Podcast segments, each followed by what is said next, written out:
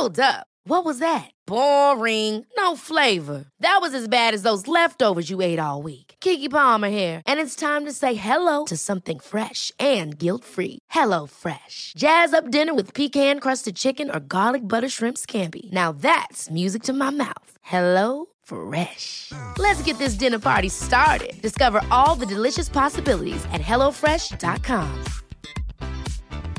Many of us have those stubborn pounds that seem impossible to lose, no matter how good we eat or how hard we work out. My solution is PlushCare.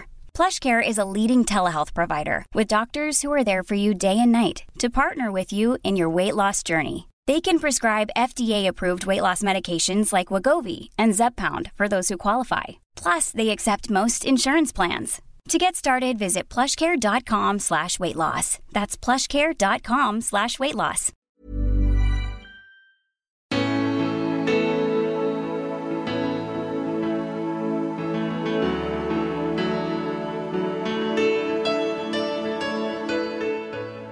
Välkommen till det 49 avsnittet av Spännande möten. Snart är det ett år sedan vi startade den här podden. Den vanligaste orsaken till att en podd dör det är att man inte orkar hålla kontinuiteten.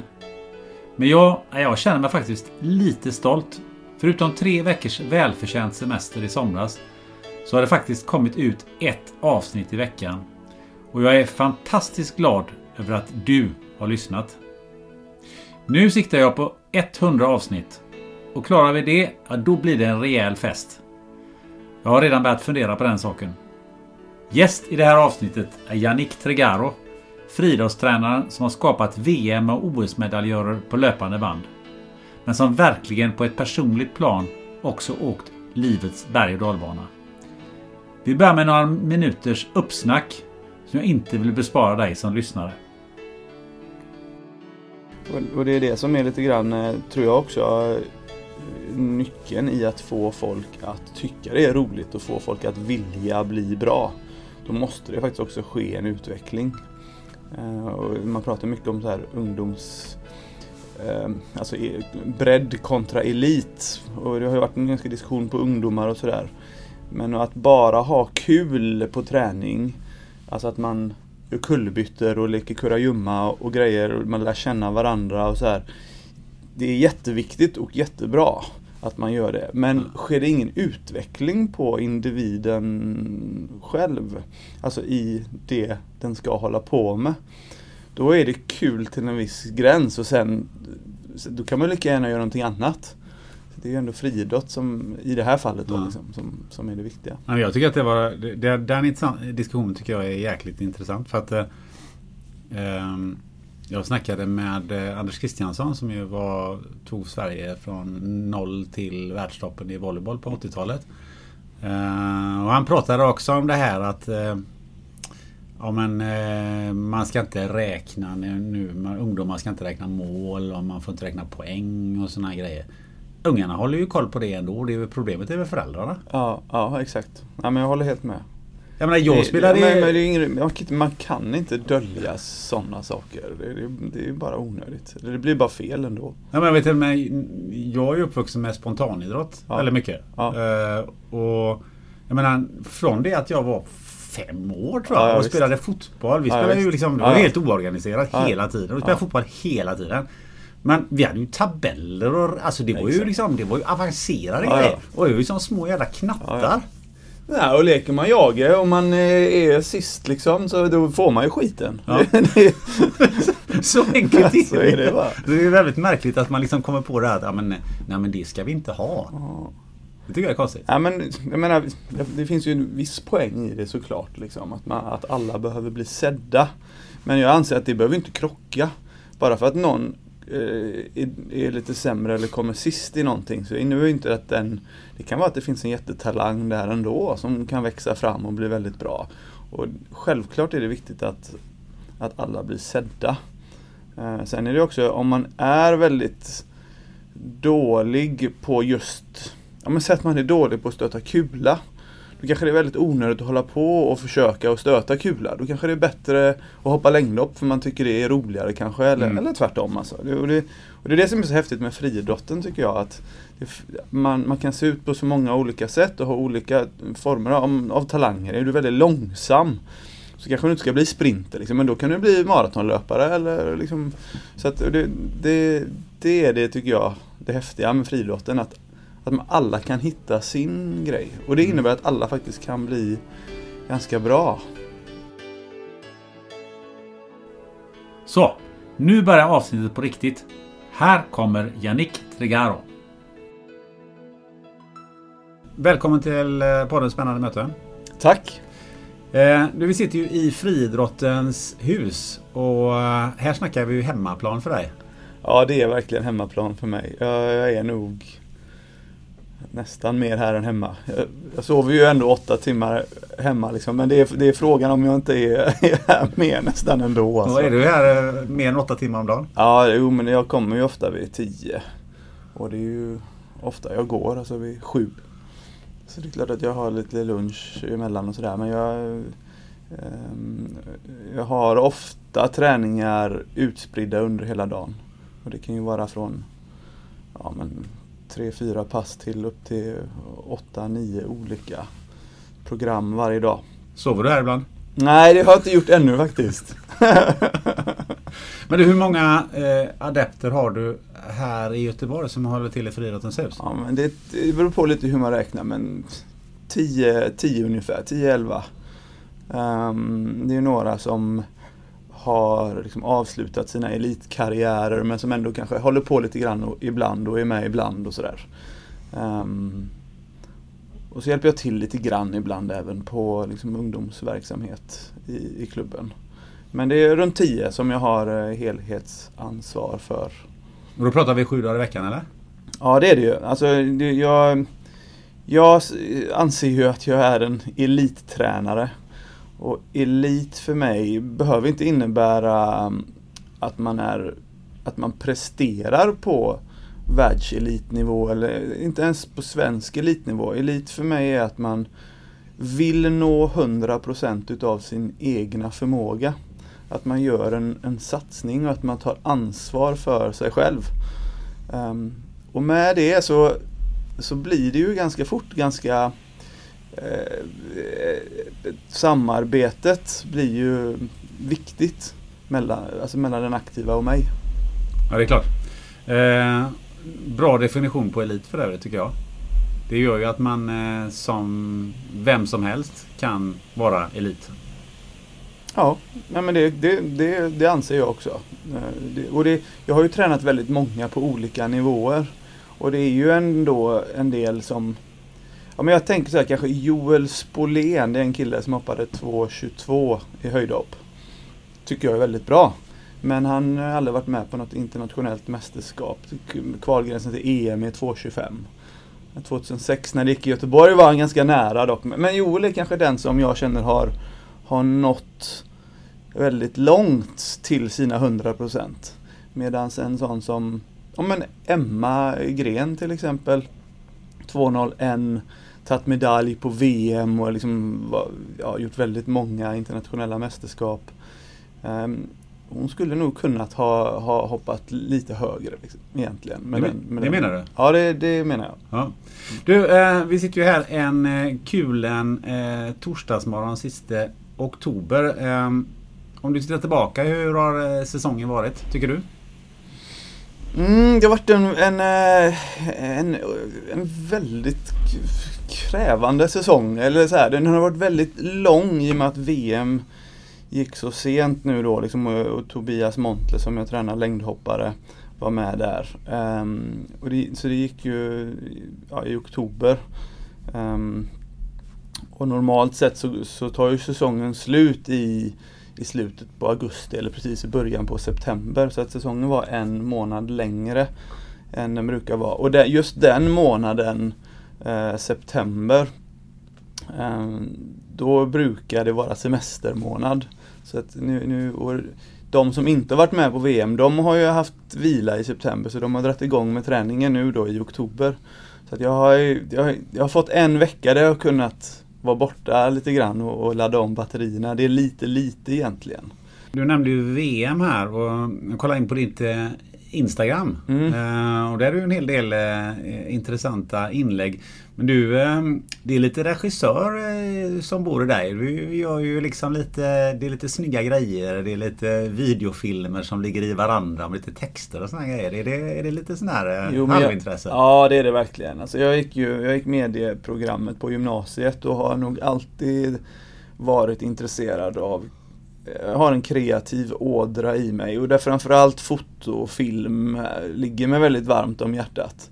Så jag har alltid jag har hållit på med det. Um, så att jag, jag, tycker det är roligt att hålla på, på lite just på Instagram eh, och göra lite, lite snyggare mm, genomtänkta inlägg. Sen, sen, sen så gör jag det på, på en nivå som, när jag hinner att göra det, så gör jag det det, jag, känner, jag vill inte ha ett, att jag måste göra saker. Men så under säsongen just så är det ganska mycket resor också. Um, och då är det nice att sitta och pilla med någonting på, på planet eller på tåget eller man, på hotellrummet och väntar liksom på tävlingen. Så, så har man lite att pilla med. Mm. Så på sommaren har jag ofta lite mer tid än, mm. än nu under grundträningen. Men det kan jag rekommendera eh, alla. Gå in på Jannex Instagram och kolla in hans eh, små filmer där. Ja, vara lite, lite kreativt. Ja, det tycker jag. Där har ni någonting att, att mappa mot så att säga. Du, um, apropå att göra och sådär. Du har ju vid till, något tillfälle sagt att uh, du gillar det här med det mest förbjudna och okända. Min fråga är så här, vad, vad, är det mest förbjudna och okända som du har gjort som du kan dela med dig här? Uh, ja, men alltså det där bygger ju egentligen mycket på att man måste våga uh, inte, Alltså att man inte ska ha några begränsningar. Det är då man, man hittar lösningar och, och nya kreativa idéer som, som, som gör att man kan utvecklas ännu mer än vad, vad andra har gjort. Ser man bara på vad andra har gjort och man ska kopiera saker eller liksom då, då, då hittar man ju inte de där extra små sakerna. Och så det där, när jag säger det där så tar jag väl i lite kanske. Det, man, man får väl såklart att man måste ha begränsningar. Det, det kan ju bli dumt om man gör, gör, gör för dumma saker. uh, men jag, jag, tänker ändå att i hela livet så att lite grann den filosofin ändå genomsyrar att man uh, man behöver inte alltid göra exakt som alla andra. Um, sen, sen liksom om det är något, något särskilt, jag kommer inte på något särskilt just nu. Liksom, Nej, du kanske kommer på det för man blir väldigt nyfiken. När man läser det där så tänker man, ja det där låter ju, det låter väldigt spännande och väldigt roligt. Men en grej som jag um, funderade på om man går tillbaka till din uh, barndom där. Jag såg någonstans att, att du hade cyklat som sjuåring till Holland. Stämmer det verkligen? Ja men det stämmer. Just när jag var, var ung då var, då var det ju väldigt mycket knasigheter liksom. Just med, med små bus som, ja, som liksom hyss. Som med vissa saker blev kanske lite väl uh, dumma liksom. Um, men, cykling till Holland, nej, det, det var nej, inget hyss? Nej, nej, det var inget hyss. Men det var ju familjen då. Det var, min mamma är ju från Holland och min pappa från Frankrike. Um, och ja, vi hade det inte jättebra ställt när jag växte upp. Så att semestrarna blev ganska kreativa semestrar. På, jag tycker det är helt underbart. Jag, jag, jag kommer ihåg det där jätteväl. Men det var ju, vi cyklade genom ja, Danmark och ner genom Tyskland till Holland. Um, det var ju verkligen två veckor eh, hårt jobb. Men, eh, och jätte, jag kommer ihåg jag satt och grät på cykeln ibland för det kunde vara kallt och regna och motvind och man var trött. Och vi sov i tält eller på liksom vandrarhem eller små stugor på campingplatser på vägen. Um, absolut mest i tält. Um, men eh, för det mesta så var det ändå eh, väldigt, väldigt, väldigt kul. Och en utmaning och Mm, ja, men upp, liksom, upptäcka nya platser varje dag. Komma till, till, till nya områden. Och, eh, så jag, jag tror ju faktiskt att den där resan har format mig väldigt mycket. Och det där att, att aldrig ge upp är ju är någonting som, som sitter kvar. Eh, jag är väldigt, väldigt glad över det där. Ja, det känns som att eh, där kan man säga att man paketerar in rätt mycket utav eh, din inställning och det du gör idag och ditt liv och lite det som vi ska prata om. Känns som det, den känns lite så här att det var någonstans här det fanns, föddes väldigt mycket. Jo men det, det tror jag. Det, det tror jag verkligen. Det, jag kommer ihåg man, just det där man ramla, körde, körde på en trottoarkant och liksom flög och in i en rabatt bredvid liksom, cykelbanan. Eh, och man var chockad där liksom. men, men, det fanns ju inget annat alternativ än att bara gå upp och sätta sig på cykeln igen liksom. var, och sen cyklade ni hela vägen hem igen eller? Ja. Helt fantastiskt. Ja, det är någonting att... att ja, nej, men just att mamma och pappa, de hade, vi, vi, har, vi har ju tre syskon och så vi är fyra barn. Och två som är yngre än mig. Eh, Fredrik och Pierre. Och de satt ju på ehm, liksom, cykelstolar på pakethållaren. Ehm, Medan jag och min stora syster Helena då cyklade. Ehm, och pappa hade en cykelvagn bakom cykeln då med med tältet och ja, alla kläderna och allting. Liksom. Så är häftigt. Ja, verkligen. Du, din pappa, eh, vem, vem var han? Ja, men det är ju, alltså mina föräldrars historia är ju, är ju lite fräck ändå, mm, eller vad man nu ska säga. Men, men pappa gick med, han, han är ju uppvuxen i Bretagne då, i, i på franska landsbygden. Um, och han gick med i franska armén väldigt ung, han var 16 han gick med i franska armén. Eh, och, och skrev kontrakt på sju år och så blev han ju som kommenderad att jobba i, i franska Afrika. Han, han var i Chad eh, och det var ju det var ett jävla skitjobb liksom. Han trivdes inte med det alls. Det var dåliga förhållanden och um, ja, en miljö som, som, som inte var bra. Och när han hade jobbat där i två år eller något sånt där um, så, så pallade han inte vara kvar. Uh, men så han, han var ju tvungen att, i och med att han hade skrivit kontrakt och eh, han, han, en gång så inställde han sig inte, då kom de och hämtade honom och tvingade honom att åka ner igen och jobba. Så han stack ju på rymmen, han rymde ifrån armén. Och han hade ju jobbat in en del pengar men så han stack ut i Europa och liksom visste inte riktigt vad han skulle göra. Ja, lösdrivare liksom, drev runt där och så hamnade han i någon vägkorsning, jag är inte helt säker på om det var Belgien eller Holland.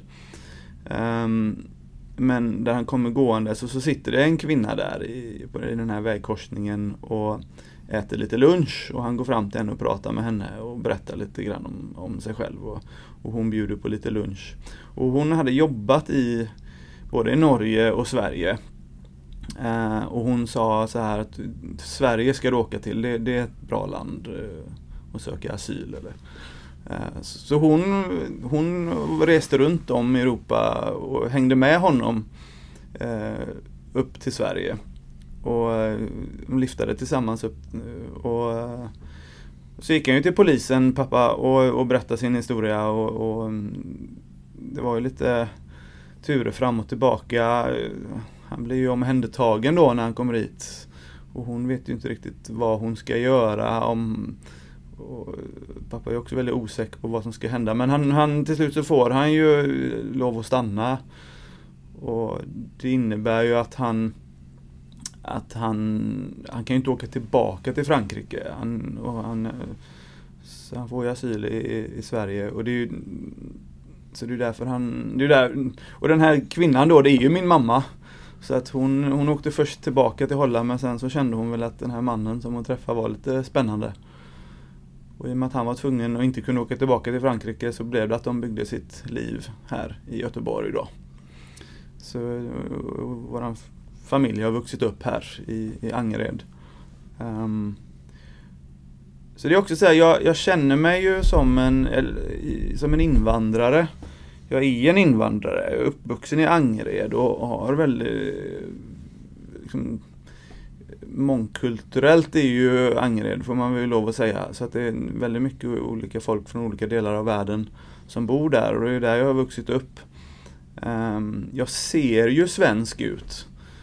Eh, och det är europeiska länder och sådär, liksom Holland och Frankrike. Men det, det, är ändå spännande tycker jag för att jag Jag har på något sätt levt med det här ehm, utanförskapet får jag ändå säga. Jag, när man är, är man uppvuxen i en svensk kärnfamilj och liksom det som man i Sverige liksom är normalt med liksom, eh, midsommar och det svenska levnadssättet.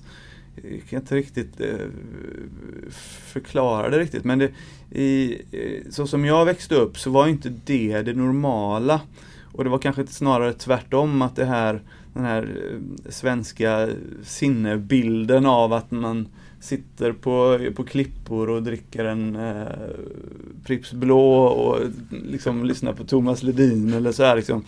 Eh, jättevackert och även så här med eh, dansbandsmusik eller sådär. Men det där var väldigt, väldigt främmande för mig. Det, det, det, min verklighet var en helt annan.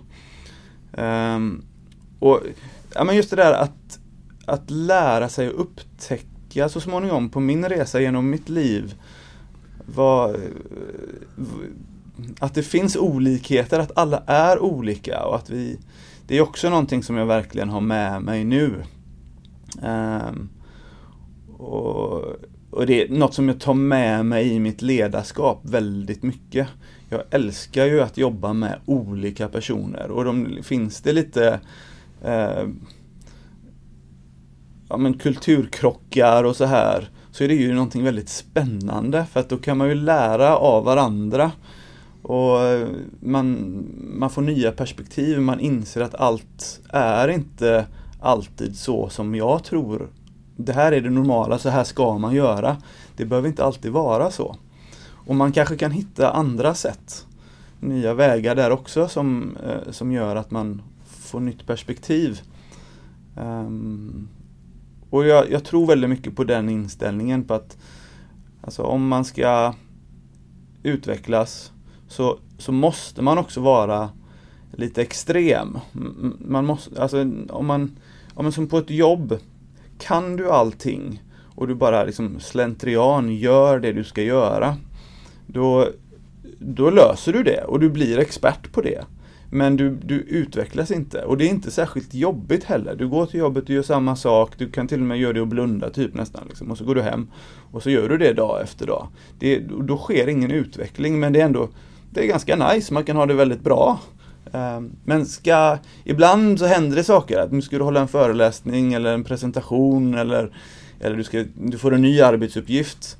Då blir det helt plötsligt mycket eh, jobbigare och så känner man oj nu måste jag anstränga mig här. Och, och, men det är ju det, då utvecklas man ju. Och så är det ju i allt i livet att när man ska göra någonting mer, åter tillbaka till det här extrema. Om man ger sig väldigt mycket ut i det extrema och man liksom vill testa saker som är lite annorlunda, då måste man också inse att det kan finnas folk åt andra hållet som tycker att du är lite eh, dum eller knasig liksom för att nu det här som du håller på med det är lite för, för extremt, jag gillar inte det. Nej men okej, men det får, så det får man ändå ha, det får man acceptera. Nej, intressant det där. Eh, det ger mig väldigt många eh, funderingar på det du säger. En sak jag funderar på är ju ehm, i det här mångkulturella och, och, i det här området där du har vuxit upp. Eh, så det var också en ganska rough miljö. Ja men det var det. Det, det, det får jag lov att säga. Um, alltså jag växte först upp i, i Rannebergen till jag var sju. Nej, till jag var tolv. Uh, och sen så flyttade vi till Hammarkullen. Och jag gick uh, högstadiet i, i Hammarkullen. Um, och det, det, det var tufft. Det, det var det väldigt hierarki på skolan till exempel. att uh, Eh, och grupperingar med, med lite olika gäng och sådär. Där jag blev eh, för att jag presterade bra i idrott. Jag var ju duktig på, jag började med friidrott och så här liksom. Så var det någon artikel i någon tidning en gång och så här. Och då blev jag nedslagen i skolan för att jag inte ska tro att jag är någonting. Um, samtidigt är ju det som, det, det är ju där också någonstans jag har fått min identitet. Och jag är ju en idrottskille.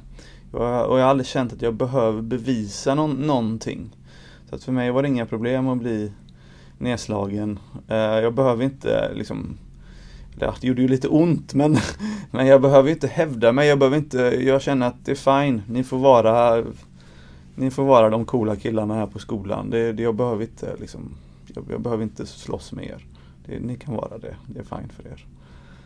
Um, men jag, jag, jag, jag, jag tror att det sättet att vara också, att, att, äh, att, visa respekt och att det, så nu är det här kanske, då gick vi på högstadiet och de, det kanske är lite väl att slå ner någon.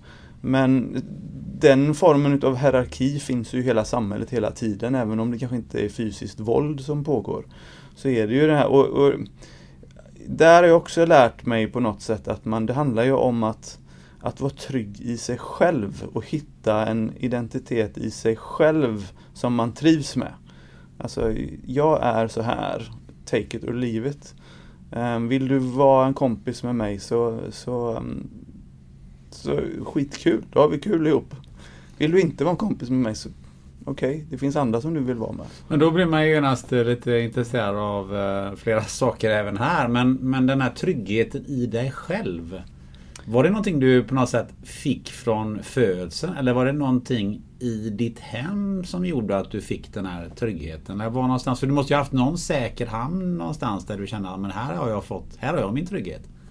Ja men det är intressant det där för att det är liksom man, Mina föräldrar sen, pappa hade ju ganska mycket problem med sig själv. Liksom. Ehm, och de skilde sig också eh, tidigt. Hade, det, hade, ursäkta, hade det att göra med, med sin, hans bakgrund eh, från armén? Ja, det får man väl eh, lov att säga. Eh, att han inte mådde bra liksom för att det hade skett massa jag är inte helt säker heller. Liksom. Det, det, det är klart, alla relationer är ju problematiska på, på sina sätt. Liksom. Så att vad, vad, som, vad som var var mellan mamma och pappa, det, det jag orkar inte gå in på det heller. Nej, vi, för, vi skippar det. Liksom. Men, det behöver vi inte. Men eh, mamma, alltså jag, båda, de, jag älskar båda mina föräldrar. De, de, jag tror att båda har gett mig ändå eh, Mamma är den här som är väldigt planerande och, och vill ha saker så att hon har kontroll och vet vad som gäller. Mamma är väldigt kristen också. Eh, och eh, Medans pappa är liksom, han är ju mer den här Han tyckte om att spela tv-spel liksom. Och det, det kunde inte mamma på något sätt acceptera. Och han, nu, han är bibliotekarie, han, han, han är väldigt kreativ på ett, liksom på det här lite, vad man säga, flummiga sättet. Han gillar att läsa fantasy och, och, um, och, och ja, men han vågar vara sig själv på, på sitt sätt. Um, och, och det uh, Som tränare är ju det verkligen uh, egenskaper som båda är väldigt viktiga. Att kunna planera och kunna vara strukturerad så att man kan utvärdera saker och ta lärdom är ju jätte, jätte, jätteviktigt. Sen är det ju minst lika viktigt att just ha det här kreativa med att, som vi redan varit inne på lite grann, att, att komma på nya idéer och våga testa nya saker och inte bara hela tiden hålla sig i Ja men det, jag tänkte, det var faktiskt någonting här, häromdagen som jag blev helt förälskad i. Det var ju när han Eloid Kipchoge sprang under två timmar på maraton nu. Så ehm, en av hans, eh, jag vet inte om det var hans eh, manager, tror jag faktiskt att det var. Hans tränare är också väldigt grym. Men managern sa där att eh, för det var ju väldigt mycket så här science och vetenskap i att man har testat skor och hur man ska springa med, med harar i formation för att han ska få så lite luftmotstånd som, som möjligt och så här. Men så sa han utan, alltså att det är väldigt viktigt med, med vetenskap och science, men utan passion in the heart, desire in the heart, sa han, så kommer man ingenstans. Jag, jag, kunde inte riktigt översätta det där, desire in the heart. Men, men alltså det, just att verkligen ha den här drivkraften, motivationen. Eh, det, det är ju det som jag har haft hela mitt liv. Det, så det är kanske snarare motivationen som, som jag har, har haft en tryggheten. Men, men jag har känt en trygghet också. Även om jag inte kan säga att jag egentligen har haft någon trygghet.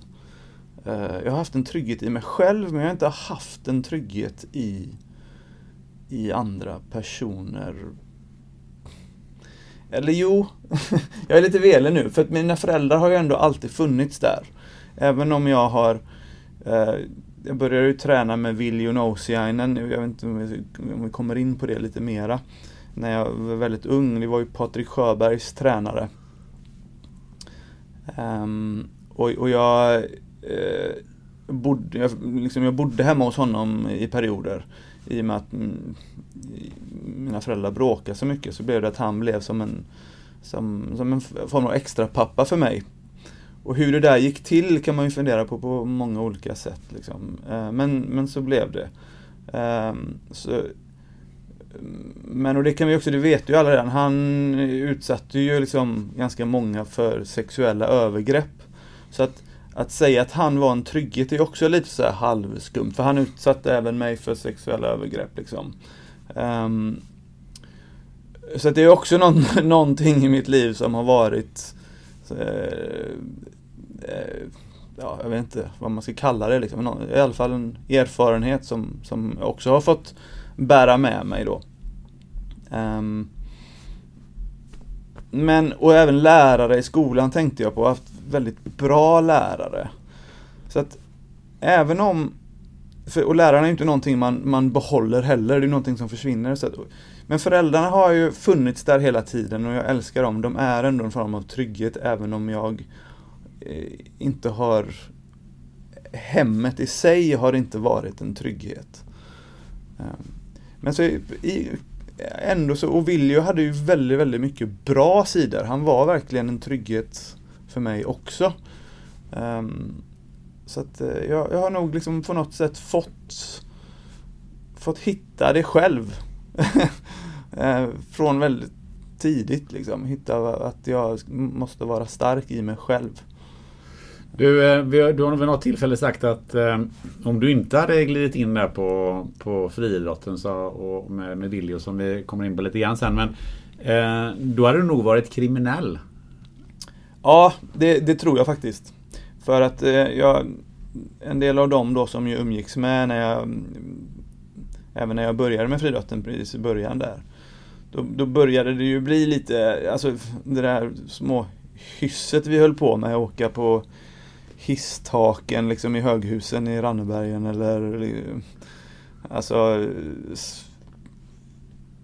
släcka gatulamporna liksom i ett helt område eller vad det kunde handla om. Liksom. Så det, det är väl lite så här inte helt jättebra att släcka alla lamporna i ett område men, men ähm, äh, nej, det, det, jag, många av dem hamnar ju snett.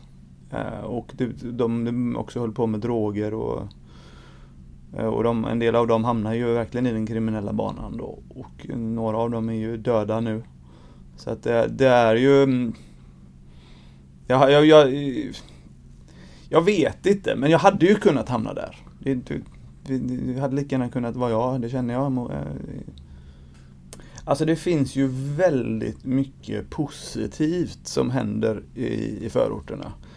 Eh, och den här eh, det, det, kreativa som gör liksom det här att, att vara ute och leka och liksom komma på nya idéer och ha drömmar och våga testa saker. Jag skulle säga att förorten är magisk på det. Um, och jag, jag skulle inte för något i världen vilja väx, ha vuxit upp någon annanstans.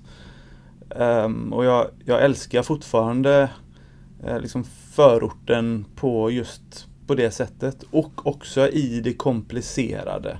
Att det är Alltså det är ju faktiskt så att väldigt många som, som hamnar där ute, de är ju det kan vara flyktingar, invandrare på olika sätt som, som har varit med om, haft resor i sina liv som, som man inte ens kan föreställa sig. Eh, delar i världen där det är fattigdom, misär, krig. Um, uh, ja, alltså livsöden som när man får höra folk vad de har varit med om så kan man ju inte fatta att de är här nu och lever så pass bra som de gör. Um, och men det, självklart så, så hänger det med problem när man har varit eh, utsatt för, för svårigheter. Eh, och också ett helt nytt samhälle man ska anpassa sig efter och en helt ny kultur och helt nya liksom. Eh, men man, det, det, det finns så otroligt mycket kraft i de människorna som jag önskar att vi skulle kunna ta tillvara på bättre. Och det handlar ju om att just bara ha den här förståelsen, bara att, att möta någon som ser annorlunda ut. Inte med liksom rädsla utan med nyfikenhet. Eh, och det som jag sa i början, liksom, att, eh, att i olika kulturer och att det finns väldigt mycket att lära. Samtidigt så vet jag ju också att av många av de unga som hamnar i kriminella banor på grund av att det är äldre personer som lockar in dem där. Eh, och det är ju att de, att de har, oftast inte har rätt ledarskap. Alltså hemifrån eller i, i sin krets eh, runt omkring det finns ju så väldigt mycket fint i de ungdomarna också egentligen. Och det, man, hur, det, det handlar ju om att man ska kunna locka fram det egentligen och få dem att se hopp eh, på ett annat sätt i, i samhället. Och, eh, och, men det, därför be, behövs, alltså det finns väldigt många som jobbar med olika stödprojekt och grejer ute i förorten. Liksom. Och det, det, men det, det skulle man kunna göra mer. Du har redan varit inne på det eh, lite grann. Då. Någon som ju tog hand om dig då, det var ju eh, Viljo Nussainen. Och eh, vad var det för någonting främst som du ser att han eh, lärde dig? Ja men det är egentligen helt, eh, hans, han hade ju verkligen den här, jag sa att som en tränare så behöver man ha en en planerande sida och en kreativ sida. Där man nästan är lite konstnär. Eh, eh, och det, just det där, han hade en exceptionell förmåga att kunna förstå vad hopp framförallt handlar om. Och det är liksom just det här med elasticitet och rytm. Och hur kroppen svarar på, på eh, olika former av träning. Han var väldigt, väldigt lekfull i sitt sätt att träna folk. Um, och just det här, alltså det handlar ju om små olika eh, rörelser, massa olika koordinationsövningar och teknikövningar som man ska liksom kunna göra med rätt timing. Och att kunna lura kroppen att, att att hitta på en övning som man tvingas hitta rätt timing i, i, en, öv, i en rörelse. Eh, och det kan ju vara att du har ett motstånd på, på ena foten i form av ett gummiband eller så här, liksom, eller att du hoppar ner från en låda, springer på olika lådor eller över koner och eh, olika underlag och eh, eh, eh när du ska hoppa så är det en häck i vägen som gör att du är tvungen att lyfta på knät lite mera och så här. Alltså att han, han kunde se vad det var som behövdes. Och så kunde han hitta på en övning som gjorde att, att, att, man, att man tvingades att göra eh, det rätt tekniskt. Och så fick man med sig det i, i ja, i den grenspecifika tekniken. Um, och så att han på, det där är väldigt svårt att förklara men han på ett konst, trollkarlsmässigt sätt nästan kunde, kunde få um, folk att, att prestera uh, väldigt, väldigt ja, men alltså, just elastisk lätthet var ju, var ju hans, han, han byggde ju, just att kunna hoppa alla hoppgrenarna. Han jobbar ju inte med stavhopp men liksom längdhopp, höjdhopp och tresteg. Um, att kunna utnyttja kroppens egna liksom, elasticitet uh, var han helt magisk på. Men det måste han ju haft en eh, mer eller mindre medfödd förmåga för att om man eh, läser lite så eh, visar det sig det att han inte hade egentligen den formella utbildningen för det här. Och det gör ju att det, det uppstår ju väldigt många frågor kring det för att han kom ju ändå så långt upp som till till eh, Svenska friidrottsförbundet och var tränare där. Han hade ju ändå en, en världsmästare i, i eh, Patrik Sjöberg och han gjorde ju bra resultat med dig och många andra. Ja, många andra verkligen. Eh, och då, min fundering är ju lite hur mycket är det här medför den här känslan som, som bara vissa människor har och som man kanske inte kan studera sig till genom att eh, studera massa vetenskapliga rapporter. Finns det någonting där som är någonting som är från själen eller från, från talangen mer än från att man kan läsa sig till det på GH? Ja, det säger jag. Jag tror det. Sen det man kan läsa sig till är ju också eh, väldigt, väldigt viktigt så att man kan eh, alltså periodisera och eh, när man behöver träna vad, alltså att man kan ha en progression i utvecklingen och det tror jag progressionen som kanske är det viktigaste, att det sker på rätt sätt. Och det här att alltså hoppstyrka, som eh, elasticitet liksom, sprint, eh, löpning eh, och liksom grundstyrka.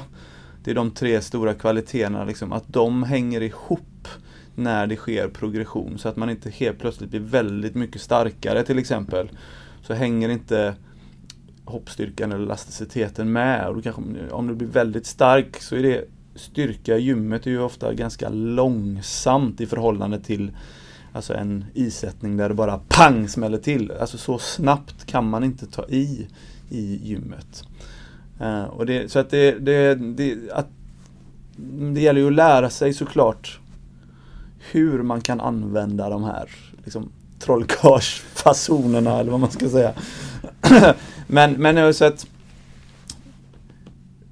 Just det här med timing och jag tror på något sätt att det är väldigt, väldigt svårt att plugga sig till. Det är någonting som, som måste finnas lite mer fött och som man också med hjälp av erfarenhet, att man ser tusentals och tusentals isättningar vad som händer i hela kedjan liksom från fotleden, knäleden, höftleden upp genom ryggraden liksom, och armarna, hur de jobbar. Alltså att det, att, att det är full påkoppling i hela den kedjan. Det, eh, vi hoppar lite till Patrik eh, som du eh, tränade med. Mm, vad hade du för relation till Patrik? Ja, men han blev ju som en storebror för mig ganska, ganska fort. Det, alltså det in, när jag började träna med Viljo så fick jag ju följa med, i och med att jag också bodde hemma hos honom i perioder, så fick jag följa med på träningsläger.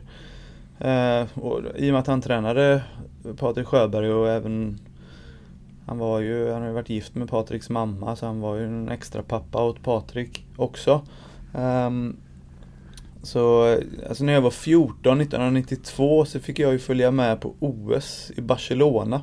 Ja, hur gick det till? Ja, men det var egentligen så här att Sjöberg Alltså de, de var på ett eh, förläger och förberedde sig i Spanien. Alltså Patrik hade ju hus också nere på Solkusten, Marbella.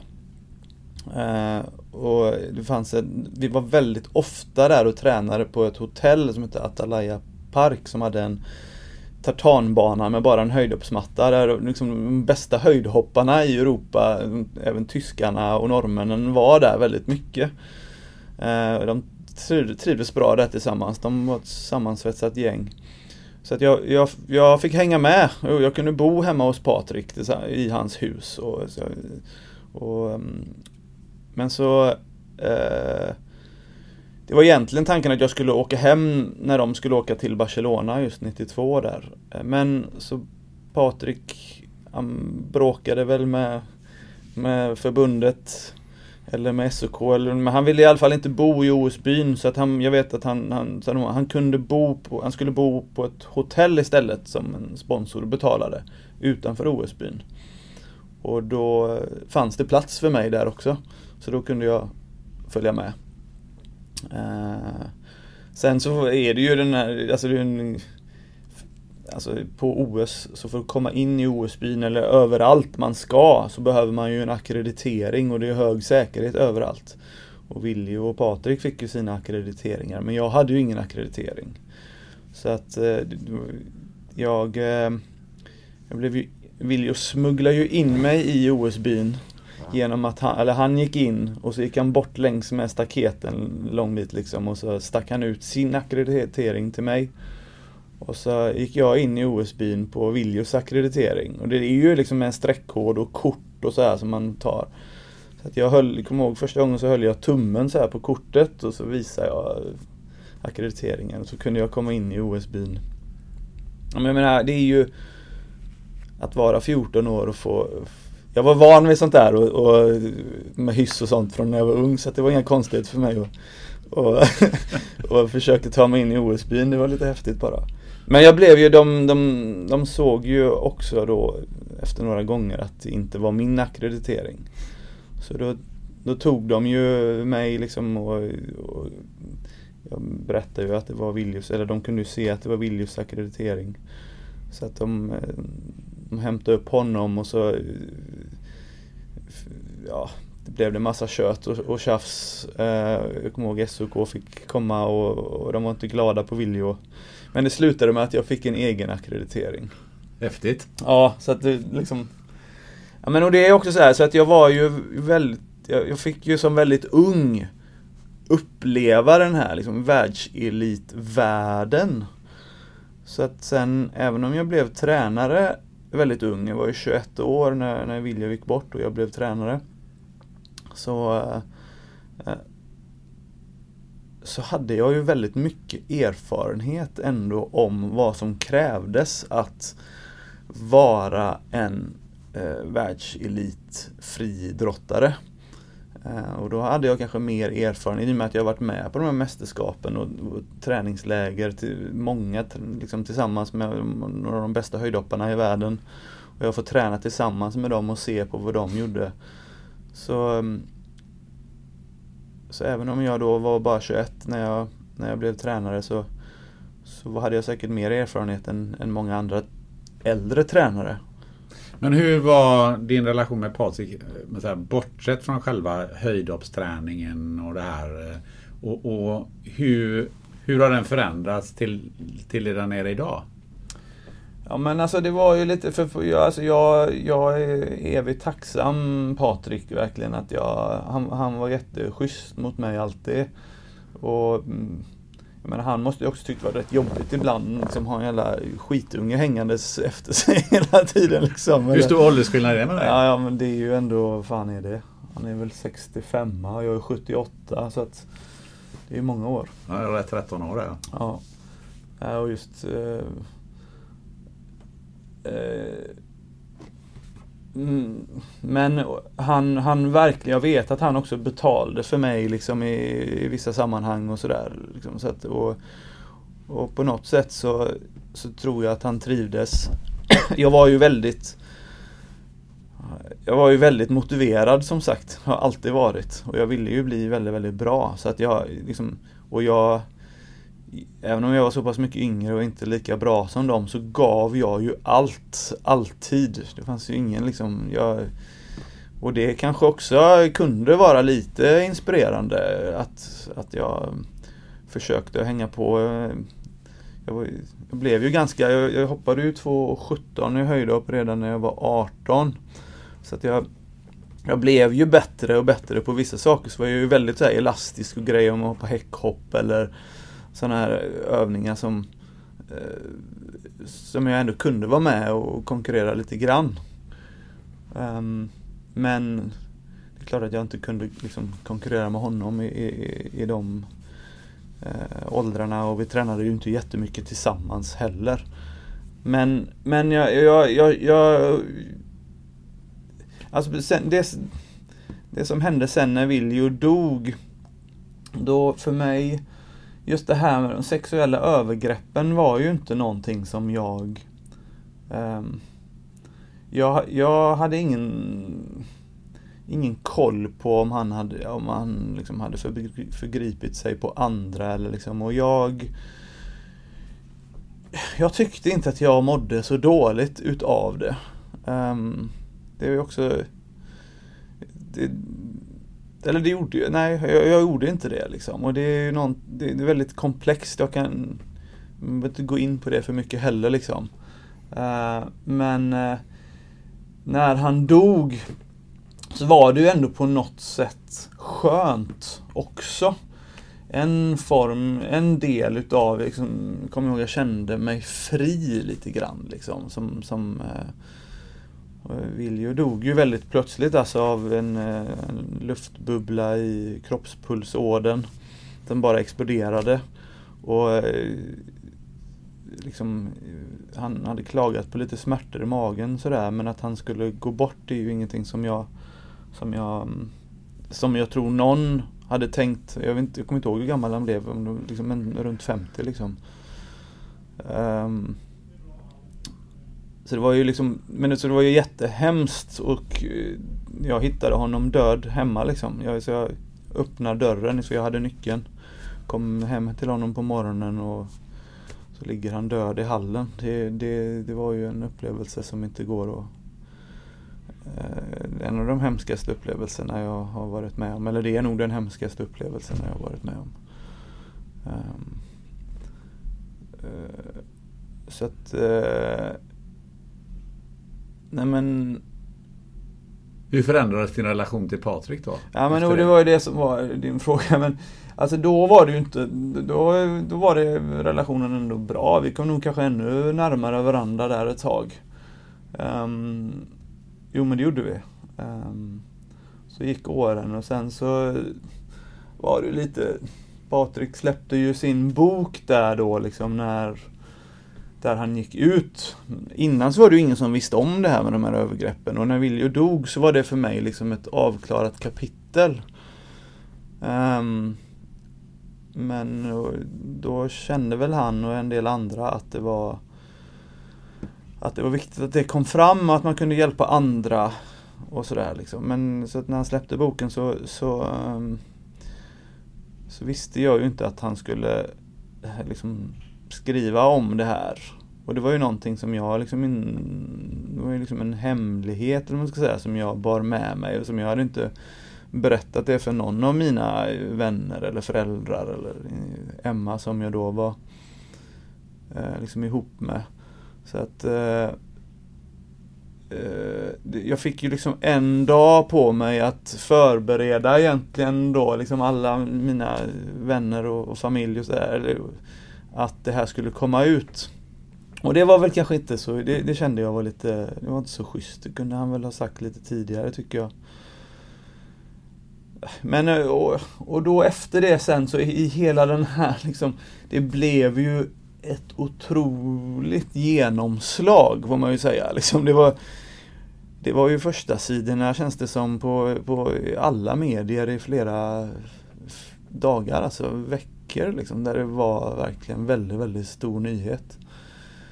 Och, eh, jag tror att det kom ut väldigt mycket positivt ur det. Men Patrik var också väldigt aggressiv och mådde väl inte helt bra heller. Eller han kändes ju, han ville ju hitta en, en syndabock. Och det, vad som, vad som är vad och vem som visste vad eller inte visste vad liksom. Det, det, den, jag höll mig ganska ut, utanför den diskussionen. Liksom. Men, men Patrik anklagar ju både liksom, klubben, våran klubb då, liksom Örgryte IS och Svenska Friidrottsförbundet och Göteborgs Friidrottsförbund. Och det, alltså det blev ju en, en, en, en himla röra där, där det blev stora konflikter. Uh, jag, jag höll mig liksom ganska utanför det för jag, jag, jag orkade inte med det. Liksom. Men, uh, men jag, jag, Patrik ville ju också att vi skulle, skulle gå ut och berätta liksom våra stories men jag kände inte för det. Och, så efter det så har ju liksom relationen blivit mycket mer vi är, vi är kylig liksom. Vi, vi umgås inte som, som vänner.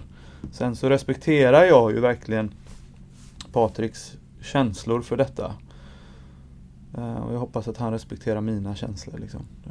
Han har ju gjort det lite som ett, eh, sitt livsverk eller sin passion. Att, eh, eller man ska kalla det för att um, berätta om det här och, och, och också um, sprida en del kunskap. För det, det får man ändå säga att um, där är det inte så många som förstår och ser utifrån och där kanske det behövs en hel del kunskap. Både ja men exakt. Ja, men nu är det det jag menar också. Det har ju kommit ut väldigt, väldigt mycket bra ut ur detta.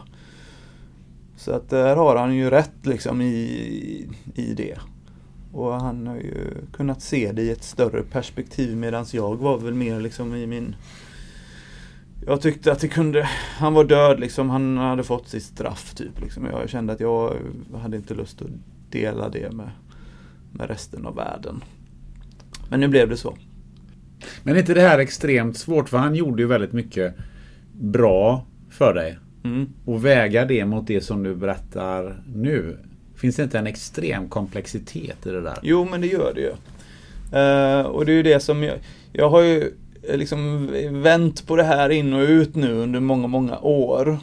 Och alltså, det, det blev ju också för mig, jag hade ju begravt det eh, de här åren innan boken kom ut. Och så när boken kom ut så blev det ju också att, ganska mycket utav de här minnena och vad som liksom hade skett vad som var vad, vem jag var liksom överhuvudtaget och så här, liksom dök upp till ytan. Och ja, alltså, det, det, mitt liv blev väldigt mycket mer komplext och komplicerat.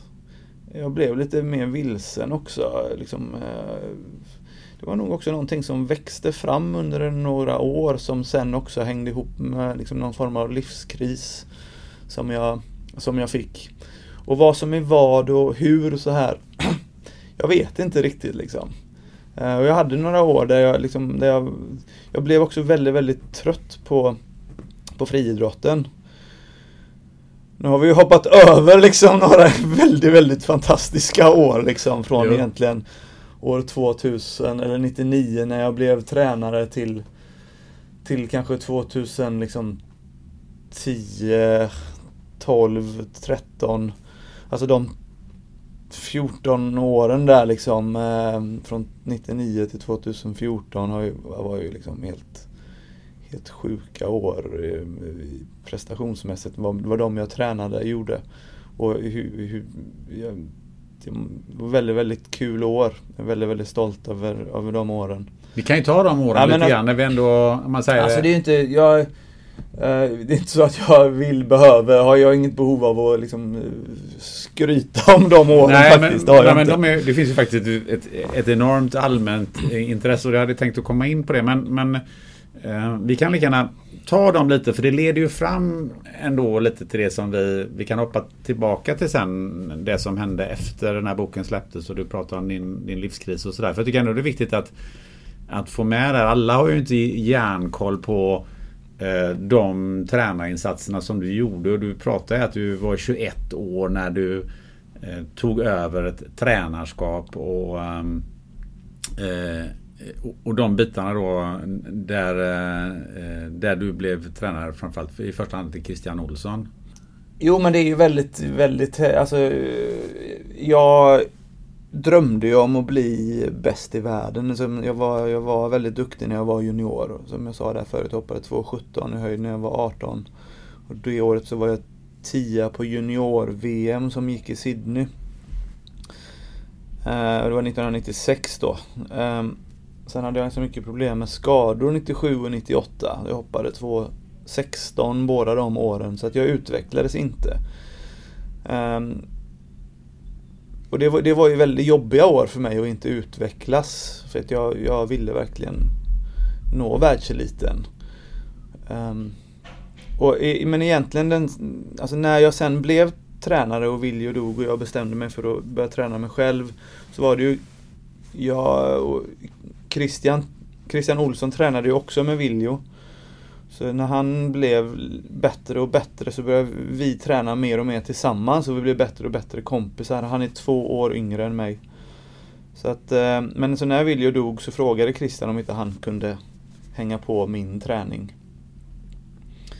Eh, men då, jag, ganska så fort så kände jag att jag hade mer att ge som tränare än som aktiv själv. Och det är klart att Christian var Han var den som jag ja, men utförde liksom mitt tränarskap på. Och I början så skulle han bara hänga på min träning men väldigt fort så jag, jag redan innan Viljo dog så har jag hjälpt till med ungdomsträning i klubben och liksom varit, haft friidrottsskola med ungdomar och sådär. Och, jag var alltid väldigt intresserad av själva träningsprocessen. Och också just det här att jag hade liksom sett världseliten, Sjöberg i spetsen såklart liksom så pass nära. Och de äldre som tränade med Willy också har sett hur de rört sig och tränat. Jag, jag, jag älskade verkligen det här med rörelser och det som jag beskrev lite grann om Viljo, det, hade, det, det gillade jag också. Jag hittade en liksom, passion i det. Eh, men så jag, jag kände att jag, jag, hade mer att ge. Att det var, jag såg att Christian kunde nå liksom, den absoluta världselitnivån. Och jag trodde att jag själv inte skulle göra det.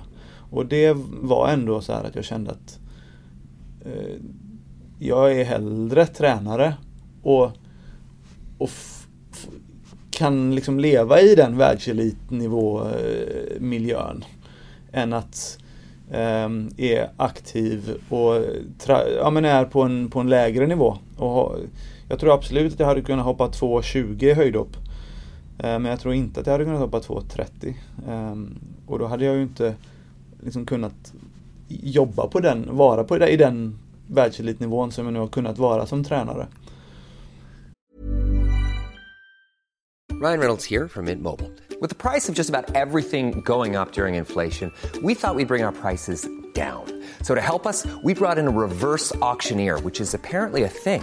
Mint Mobile unlimited premium wireless. Ready to get 30, 30, bit to get 30, bit to get 20, 20, 20, bit to get 20, 20, bit to get 15, 15, 15, 15 just 15 bucks a month. So, Give it a try at mintmobile.com/switch. slash $45 up front for 3 months plus taxes and fees. Promo for new customers for limited time. Unlimited more than 40 gigabytes per month slows. Full terms at mintmobile.com.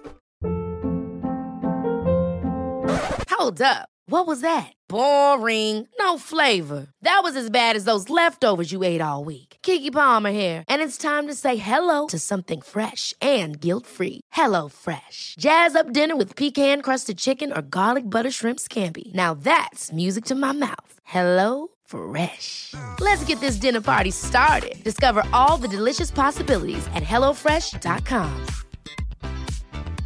Quality sleep is essential. That's why the Sleep Number Smart Bed is designed for your ever evolving sleep needs. Need a bed that's firmer or softer on either side? Helps you sleep at a comfortable temperature? Sleep Number Smart Beds let you individualize your comfort so you sleep better together. JD Power ranks Sleep Number number 1 in customer satisfaction with mattresses purchased in-store. And now, save 50% on the Sleep Number limited edition Smart Bed for a limited time. For JD Power 2023 award information, visit jdpower.com/awards. Only at a Sleep Number store or sleepnumber.com. Du hade ju väldigt stora framgångar då. Christian Olsson var ju den första som, som du tränade som hade de här riktigt stora framgångarna. Och sen har du, gick det vidare med Kajsa Bergqvist och ja, många andra Ja är men precis. Det, på den nivån. ja. Någonting man funderar på här är ju de här världsstjärnorna som du, som du har tränat eh, de eh, skapade ju rätt så stora eh, sponsorintäkter och intäkter från tävlingar och, och så vidare. Och hur, hur mycket får man som tränare i de här sammanhangen? Ja men det där har vi diskuterat och haft mycket Jag har haft mycket funderingar och även eh, Jag har ju tjänat ganska bra med pengar. Liksom, jag har fått en del utav eh, av de aktiva, alltså Christian och Kajsa och Emma liksom, som har presterat på en väldigt hög nivå. Vi diskuterar ju mycket det här om jag ska ha liksom någon procent på deras intäkter som en, som en manager har.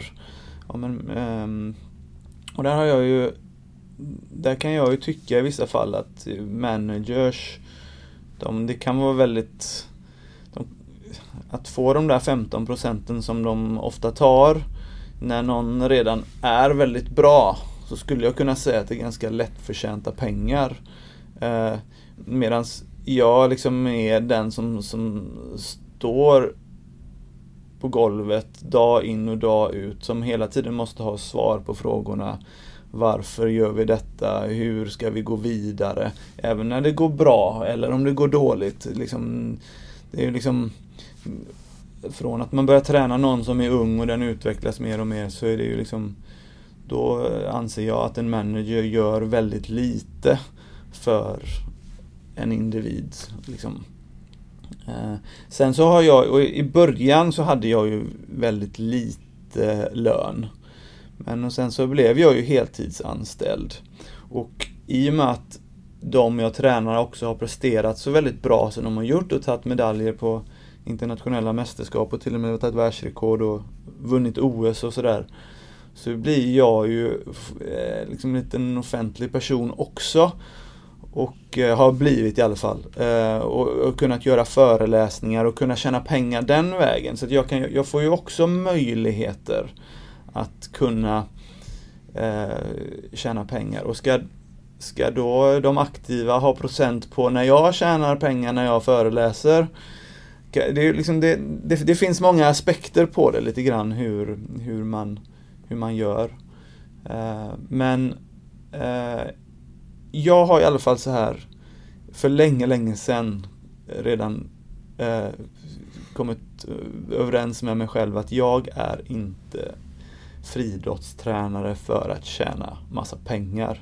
Och överhuvudtaget så är pengar inte en drivkraft i mitt liv. Um, Men det hade ju varit lite nice att få en del åt detta för det är ändå... Jo men jag har det, fått en del är det någon, detta. ja, Men Ja. är det någon som står, precis som du säger, eh, bakom den aktives egentliga framgångar så är ju du den absolut viktigaste personen. Ja, så är det ju. Det, det, tränaren är den viktigaste personen. Sen är det ju också beroende på lite grann på vilk, vilket sätt man jobbar som tränare och aktiv, som vi var inne på förut lite grann. Jag jobbar ju verkligen på ett sätt där jag bryr mig om helheten. En, en prestation handlar ju inte bara om den fysiska träningen. Liksom. Det, är, det är mentala och alltså hur man, vad man har för livsstil och hur man tänker är ju faktorer som, som är nog viktigare än den fysiska träningen. Så att allt det där måste ju gå hand i hand. Och därför är ju också själva liksom relationen tränare-aktiv någonting som, som är väldigt viktigt. Att det, att det funkar. Att, att, att båda trivs i, den, i det teamet man är. Eh, och då är man ju ett team, tränare, aktiv. Men sen är man ju, jag har också alltid haft en grupp. Jag tycker gruppen också är oerhört viktig. För jag menar, det är, friidrott är en gren, visst. När du står på din viktigaste tävling eller på en tävling överhuvudtaget, då är du själv ute på banan och det är du själv som ska prestera. Men tänk om det inte var någon som brydde sig om dig. Alltså, nu, du står där och du vet att du hoppar men ingen bryr sig överhuvudtaget.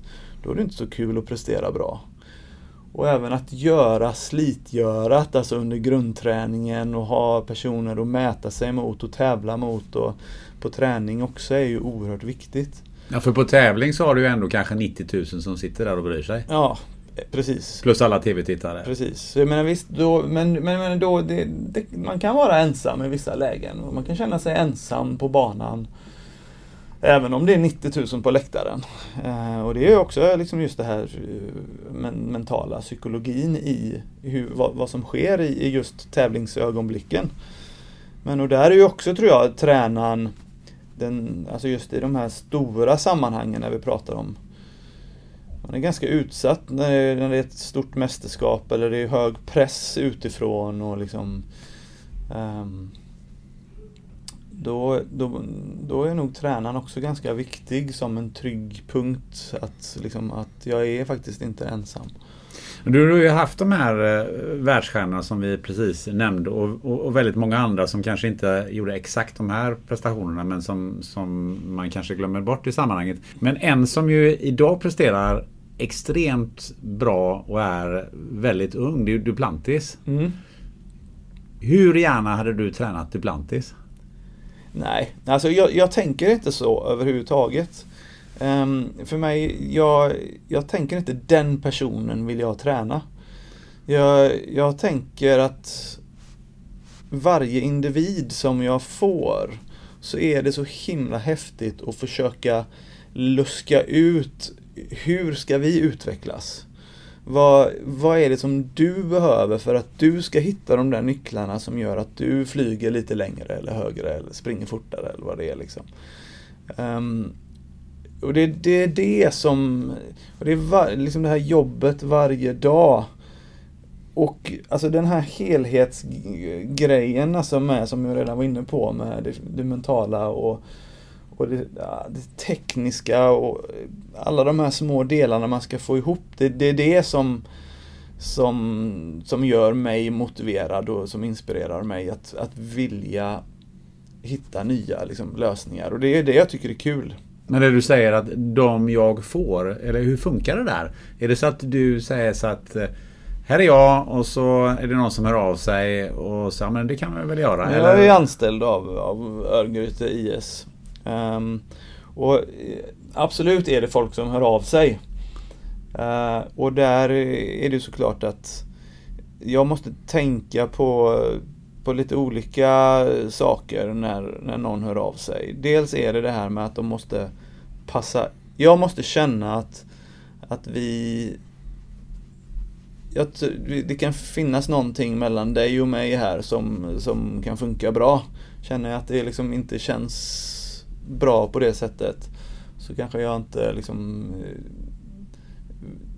eh, eh, vill träna den personen. Mycket är ju verkligen också att jag måste ta hänsyn till hela gruppen jag tränar. Och det kan ju vara så här att om det är Eh, alltså personligheter är väldigt komplext. Och eh, tar jag in en, eh, en person i gruppen så, så kan det förändra hela energin i gruppen på ett positivt sätt eller på ett negativt sätt. Och alla har ju verkligen ett ansvar i att komma med positiv energi till gruppen. Alltså, kommer man inte med positiv energi till gruppen så är det verkligen inte bra. Um, och det är ju mitt ansvar som tränare att se till att det, det är eh, positiv energi i, när vi ska träna eh, tillsammans. Eh, och så, ibland är det ju så att så, det blir konflikter och problem och då måste jag ju sära på folk att jag känner att du kan inte träna med, med den här personen just nu för att det blir inte bra. Och det behöver inte handla om att det är en liksom konflikt egentligen. Det kan vara att man, två personer är så pass olika i sina liv just nu och har liksom olika fokus på olika saker som gör att, eller att man är för för långt ifrån varandra. Um, men så det, de aspekterna är väldigt, väldigt eh, svåra att, att hitta rätt personer att få ihop det på rätt sätt. Um, och sen är det såklart tid också, att om, om det är någon som är eh, väldigt duktig eh, och presterar på en väldigt så, så krävs ju mer att man är med på den personens tävlingar, kanske åker på träningsläger och man behöver åka på ja, hitta, kanske träna med andra person, andra grupperingar för att hitta lösningar eller så här liksom som och är det det, tar jag ytterligare en längdhoppare nu, jag har ganska många längdhoppare. Då, är det, då passar den ju personen också lättare in i, i, i träningsupplägget så att säga. Uh, om man skulle ta Duplantis som ett exempel så då är det stavhopp och då, då, då tar det ju mer tid. Uh, men sen jag har ett väldigt spännande gäng nu och jag, det är ju väldigt, jag tränar ju allt från häcklöpare till nu även tiokampare då liksom. Så att, mm, och, och alla hoppgrenarna och, och det är även sprint då liksom. Så att det, det är ehm, Det är ett väldigt komplext jobb just nu som jag tycker är väldigt, väldigt kul. Men jag, jag har ju hållit på ganska länge och gillar utmaningar och jag behöver utmaningar för att vara inspirerad. För du nämnde ju nu, det här jobbet är ju lite, om inte 24-7, men, men är i alla fall varje dag i veckan. Och vi pratade just i början om det här med att eh, eh det är ju nästan så du bor här på, på Jo men jag har ju valt den. Ja. Eh, jag, det är en livsstil för men, mig. Från det här då, för att komma tillbaka till det du sa att ja, men det blev en kris och du eh, var ganska trött på friidrott ett tag. Hur hur kändes det då och vad gjorde du då? Jo men jag, jag... Dels så skilde jag och Emma mig. skilde oss. Um, vi var ju gifta där och det, det var ju ett... Uh, ett tufft beslut. Um, sen så kände jag att jag behövde eh, liksom, eh, någonting nytt, kreativt att ta tag i så dök det upp en eh, möjlighet då att tillsammans med två stycken andra vänner eh, starta en business i Göteborg då. Liksom. Så då var vi tre stycken som startade Vallgatan 12 som nu då är en minigalleria mitt i stan, alltså hörnet Vallgatan, Västra Hamngatan. Um, och det, alltså den processen att skapa Vallgatan 12 uh, eh, var väldigt, väldigt kreativ och häftig. Uh, det var ju någonting helt nytt för mig att, men och där, där hade jag ju med mig just den här kreativa ådran liksom uh, och ehm, alltså den, eh, den här alltså, minigallerian eller Vallgatan 12, det var ju liksom en, vi, vi ville att det skulle vara shopping men också en mötesplats. Så att det var ju både en restaurang och ett café samtidigt som det var alltså shopping. Eh, med kläder, inredning och sen liksom fotokonstavdelning och det var väl liksom det kanske som var det som jag tyckte var det roligaste. Ehm, just fotokonsten. Även blommor i början, en blomsteravdelning. Så det, det, ja, alltså konceptet med den här öppna blandningen utav affär och restaurang, café eh, älskade jag verkligen. Eh, och jag är jätte, jättestolt över vad vi skapade. Och på alla sätt. Eh, men det blev också väldigt eh, tufft för att eh, vi fick det inte att gå runt ekonomiskt. Eh, och det rullade på. Liksom, jag, jag gick in med, med väldigt mycket pengar, i stort sett alla pengar jag hade. Eh, och lite naivt så Uh, men jag, jag, jag,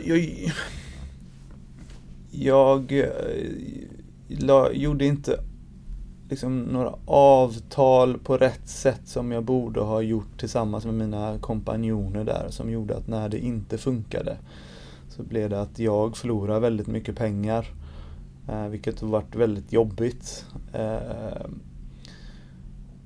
och jag eh, har liksom vi har ju då börjat bråka, liksom, vi, vi är ju inte vänner längre kan man väl inte säga liksom, i och med detta. Och det är ju något som jag tycker är väldigt jobbigt och tråkigt. Um, och det blir också en del rättsliga processer för att uh, uh, det är lite så här administrativa bokföringsgrejer som inte riktigt har blivit gjorda på det sättet som det egentligen ska ha blivit gjort. Och jag har stått som ordföranden också i några av de bolagen som vi skapade där vi egentligen har gjort allting tillsammans och haft ett gemensamt ansvar. Men eftersom jag har stått som ordförande så får jag ta den skiten själv. Uh, och, så det har, det har blivit uh, Jag kan väl säga så här, jag har lärt mig en del saker. Uh, kanske är den hårda vägen. Um, just när det gäller näringsliv och business på, på det sättet.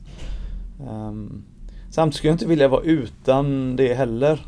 Och nu är jag ju, alltså hade jag inte gett mig in i detta och liksom valt det här spåret så hade jag inte heller om jag hade då fortsatt att hålla på som tränare när jag inte kände att jag hade energi kvar till det då så hade jag nog inte, inte kunnat komma tillbaka som jag har gjort nu och fått den här pausen och fått liksom perspektiv på, på, på mitt tränarskap. Och på, så att jag, nu brinner jag ju nästan mer än någonsin igen att vara tränare. Eller det gör jag verkligen. Jag, jag, jag tycker det är himla kul. Och med facit i hand så, så, så jag har lärt mig oerhört mycket. Samtidigt som ja, jag har förlorat jättemycket pengar och man kan tänka sig vad fan skulle jag, jag skulle kunnat ha gjort väldigt mycket med de pengarna istället för att ha blivit av med dem. Men som sagt, pengar är bara pengar och man kan tjäna nya pengar. Och eh, alltså Välmående mäts inte i pengar. Men att förlora pengar, då, då mår man dåligt. Det, det, det är inget snack. Då, och eh, ovisshet är nog det, det jobbigaste som finns och veta om man, och inte veta om man ska klara av att liksom eh, leva alltså med de kostnader man har. Är ju, är ju väldigt jobbigt såklart. Jag vet det själv, jag har ju också gått igenom en, eh, en konkurs. Har visserligen inte förlorat eh, eh, jättemycket pengar men ändå det är ju en väldigt, väldigt jobbig process när man har byggt upp någonting. Men som jag själv upplevde eh, ännu jobbigare det är ju den här ovissheten när man ska ha med myndigheter att göra. Nu råkar inte jag ut för det som du har råkat ut för. Eh, men det är ändå så. Det, det, det, finns massa regler och procedurer och grejer som man inte har en aning om men som, som dyker upp och som man på något sätt förutsätts att man, att man kan. Ja. Eh, och, och, att man eh, eh, man, man blir varse saker och ting som man inte hade en, en blekaste aning om. Jag bland annat läste ju att, att, du fick ju fråga om du skulle kunna åka till, till Doha. Uh, jag vet ju själv när vi, när vi satte bolag i konkurs så får man någon sorts reseförbud. Det kanske mm. inte var det det handlar om här men... Jo men det var så. Men, men det är liksom sådär att, och, och då är min fråga, vad tycker du var jobbigast just att förlora pengar är ju en sak. Men att hamna i de här rättsprocesserna som du har hamnat i. Vilket tycker du är båda, båda är jobbiga. Men jag, någonstans så köper jag ju eh, rätts, eh, liksom, eh, saken, eller vad ska jag kalla det, liksom att man eh, Det är ju mitt ansvar att, att ta, ta reda på vad som, vad som vad det innebär med de här åtagandena som man gör då. Um, och när det att, att, jag in, att jag inte var tillräckligt insatt i det är ju helt enkelt mitt eget fel. Um, sen så är det ju Det är ju andra personer som har misskött saker också. Um, där, jag får ta, där jag får ta smällen. Och då kan jag ju tycka att det inte är schysst utav de här andra personerna. Det finns ju ganska många som hade kunnat hjälpa mig på ett annat sätt och eh, alltså varit delaktiga och stöttat istället för att liksom roffa åt sig sitt egna och bara tänka på sig själv. Och det, det är ju det som jag tycker är det jobbigaste. Att det är personer som som man också kanske liksom har ändå gillat och som man tycker verkar vara bra personer men som, som sviker en på det sättet. Eh, bara för att det handlar om pengar och då ska man liksom eh, skaffa åt sig själv. Eh, och där, där, finns det vissa som jag tycker är ja, men, sviniga liksom. Eh, sen så har ju alla sina perspektiv. Eh, och det, det förstår, det, det, det, respekterar jag. Så att liksom, alla ser saker på olika sätt och man eh, ehm, men just när det är, just det här med myndigheter är ju ändå på något sätt, jag, jag tycker ju att jag har, jag har blivit lite överraskad att det är så pass eh, slapphänt, eller vad ska jag säga, liksom, att en, eh, no, ett, liksom, en rättegång, att, mm, att man ska behöva vänta typ ett år på på att ens få några besked eller vad det ens, att man, man får, blir inte ens informationen utifrån, från rättsväsendet är ju Alltså att det tar så lång tid med saker och ting. Och sen när det väl händer så ska man ju liksom kunna allting och veta allting och sen så, så dröjer det månader innan man ens liksom får någon respons på någonting som man har skickat in eller sådär liksom. Det där är tycker jag verkligen fascinerande hur, hur det kan funka så. Hur... Men det gör också att man får lite mer ont i magen? Nej, alltså, jag är mer bara så överraskad över att alltså, så här, jurister och hela rättsväsendet, liksom hela kedjan upp till alltså, domare och sådär. Liksom att, att, att, att, det, de det är så himla mycket lagar och regler och så här som de ska kunna. De sitter ju på en oerhörd makt och har en väldigt hög status i samhället. Och tjänar väldigt mycket pengar. Och sen ändå så är det så eh, att processen tar så lång tid. Och att informationen ut till liksom den vanliga medborgaren här liksom är så pass dålig. Eh, att man, precis som du säger, att man förväntar sig att man ska kunna och, och lära sig allting själv. Vi ska börja avrunda så småningom här men eh, det du har berättat nu så har det ju varit en del, eh, eh man ska säga, ganska rejäla motgångar eller bumps on the road så att säga. Men, vi pratar om, om, om, uppväxten som inte alltid var, var helt lätt. Vi pratat om, om, om Willy och, och skilsmässa från, från Emma och, och, den, den krisen som du var med då som, som sen då ledde till de här företagskonkurserna eh, och de här grejerna som du har berättat nu. Mm, det jag funderar på, det det tror jag många funderar på, det är hur undviker man att bli bitter på de här eh, grejerna? För jag, jag tar lite fasta på eh, en lärare som ju sa om dig när du var barn att du hade, att du hade sagt att eh, ja, men han, du hade undrat varför alla gnällde för vi som har det så bra. Och det är ju ett väldigt, det är, det är en fantastiskt positiv inställning som ju verkar genomsyra ditt liv. Men, men hur har du undvikit att liksom gå ner dig eller att bli bitter på de här grejerna som du har råkat ut för? Jag sitter tyst faktiskt. Men eh, alltså det finns ju, det, det, finns ju bara en väg. Och det är ju liksom, det är ju framåt.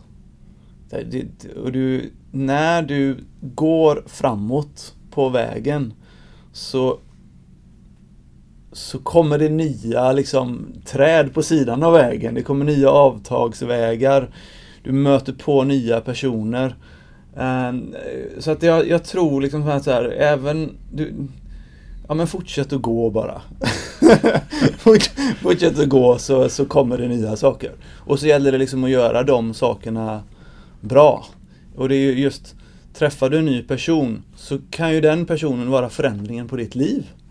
Det kan ju vara så. Det kanske är den, den personen du träffar där som, som får dig att få nya insikter eller liksom vad det handlar om. Liksom. Så att möjligheter finns ju alltid. Man kan... Det, gäller, man, liksom det är bara... Alla gör ju fel. All, och det gäller väl att lära sig utav det man har gjort fel. Um, och ja, men jag tror det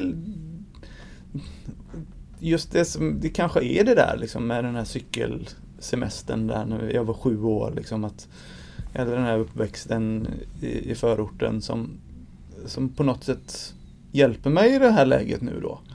I, i de här ehm, eh, svårigheterna som har varit. Att, eh, att det, det, det finns möjligheter. Och det är ändå det som är så himla häftigt i Ja, men och det, och det, är ju, det är ju faktiskt så. Vi, ja, vi lever i ett samhälle som är, vi är väldigt, väldigt privilegierade. För att det finns ett liksom, backup-system. Det är ganska enkelt att, jag kan förlora allt jag har. Men det är faktiskt ganska enkelt att, uh, att hitta en ny väg. Jag, liksom, att få ett nytt jobb, visst det kanske inte alltid är jättelätt. Men det går. Alltså komma på en ny idé. Alltså en, det är ju också minst lika viktigt att ha, göra någonting som man gillar. Och jag tror Alltså gör man någonting som man gillar, då, då, då mår man ju bra. Så pass enkelt är det ju. Så, så, och jag, det känner jag lite grann också att med ungdomar som, som ska välja gymnasium eller oavsett var, liksom var man är i livet. Så alltså, kom på vad det är som du gillar och så gör det. Liksom gör, tänk, eh, det är så onödigt att liksom så här, göra någonting som man inte gillar eller som någon annan säger att du ska göra. Eller jag gör det här bara för att mina föräldrar har gjort det eller för att mina kompisar gör detta. Eller, och så går det massa år och så kommer du på att det här var inte alls kul. Det var inte det här jag ville. Liksom. Så kom på vad du vill göra. Och det är aldrig för sent heller att, att ta tag i någon så här kall som man har. Men som sagt, det, det, är ju, det är jobbigt. Det är jobbigt att göra någonting som, som eh, det, det sa jag från början också där, att liksom, ska du göra någonting nytt så, så är det jobbigt. Men, och, och ibland kan man ju fundera om det är värt det. Är det inte värt det så mm, så gör något bara lite annorlunda då. som, men för att det, ja, det, det, man mår bra av att göra saker som man, som man gillar. Man mår bra av att göra saker som man gillar. Jag har eh, haft en fantastiskt samtal eh, med dig och gör verkligen saker som jag gillar. Att mm. få intervjua människor som dig. Du, eh, nu har vi suttit här och pratat en, en bra stund. Hur känns det? Ja men det känns bra. Jag, jag ska ut i hallen och ha träning. Ja. Uh, nej men det känns bra. Det, det är ju ja, det är ett himla liv jag lever. Uh, väldigt komplext på många olika sätt. Uh, jag, men jag är så glad över att kunna nu då uh, vara tillbaka med den här fulla motivationen i, i, i träningen. Och just, och just det där att känna full motivation till att man vaknar och känner nu, nu ska jag åka till träningen och göra någonting som jag verkligen längtar efter. Det, det önskar jag att, eh, att alla kunde känna. Du, någon eh, som du tycker eh, jag borde intervjua för att få ytterligare inspiration? För jag har verkligen fått inspiration av dig här. Vem skulle det vara tycker du? Ja, du ställde frågan och jag, jag, det, jag tycker det är jättesvårt verkligen att, eh, att komma på bra personer. Men alltså, jag, de, det skulle vara kul att Alaji Gäng är en, är en kille som är ganska så, så spännande på, på, på många sätt. Det är en före detta stavhoppare? Ja, jag tränade Alaji i några år.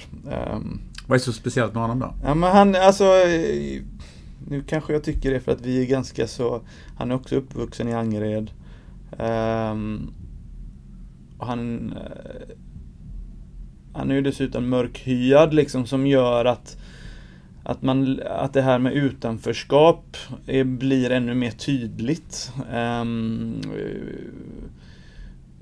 alltså, jag har känt ett utanförskap men har nästan blivit liksom indragen i svenska samhället över att jag ser svensk ut. Så blir det så här att man, de, folk tar för givet att, att jag är um, att jag är svensk. Medan Aladji är ju liksom mer svensk än vad jag är. Um, men, uh, eller lika mycket svensk som, lika lite svensk som jag är, eller vad man nu ska säga.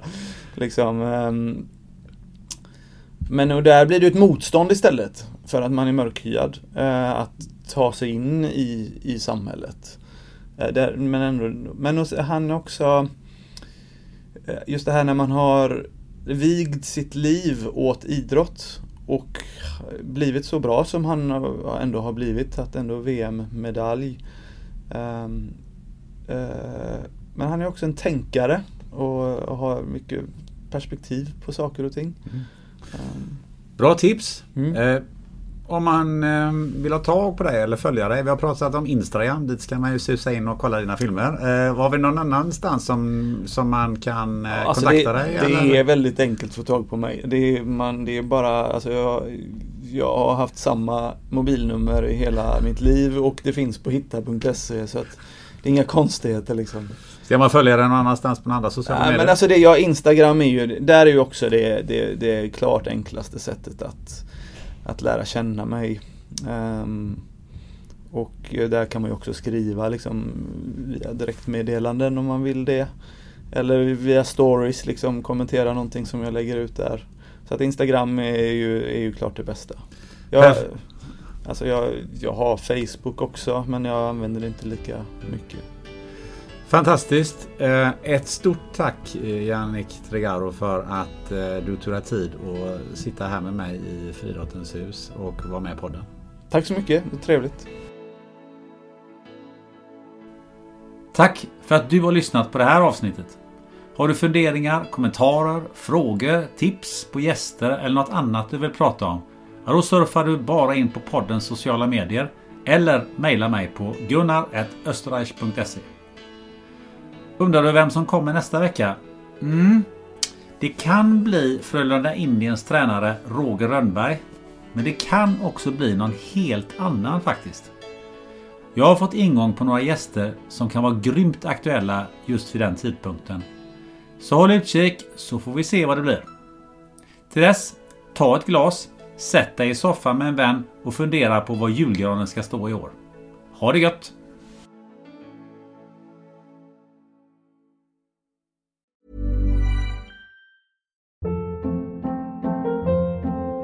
Hold up. What was that? Boring. No flavor. That was as bad as those leftovers you ate all week. Kiki Palmer here, and it's time to say hello to something fresh and guilt-free. Hello Fresh. Jazz up dinner with pecan-crusted chicken or garlic butter shrimp scampi. Now that's music to my mouth. Hello Fresh. Let's get this dinner party started. Discover all the delicious possibilities at hellofresh.com. Hi, I'm Daniel, founder of Pretty Litter. Did you know cats tend to hide symptoms of sickness and pain? I learned this the hard way after losing my cat, Gingy. So I created Pretty Litter, a health monitoring litter that helps detect early signs of illness by changing colors, saving you money and potentially your cat's life. Pretty Litter is veterinarian developed, and it's the easiest way to keep tabs on your fur baby's health right at home. Go to prettylitter.com and use code ACAST for 20% off your first order and a free cat toy. Terms and conditions apply. See site for details.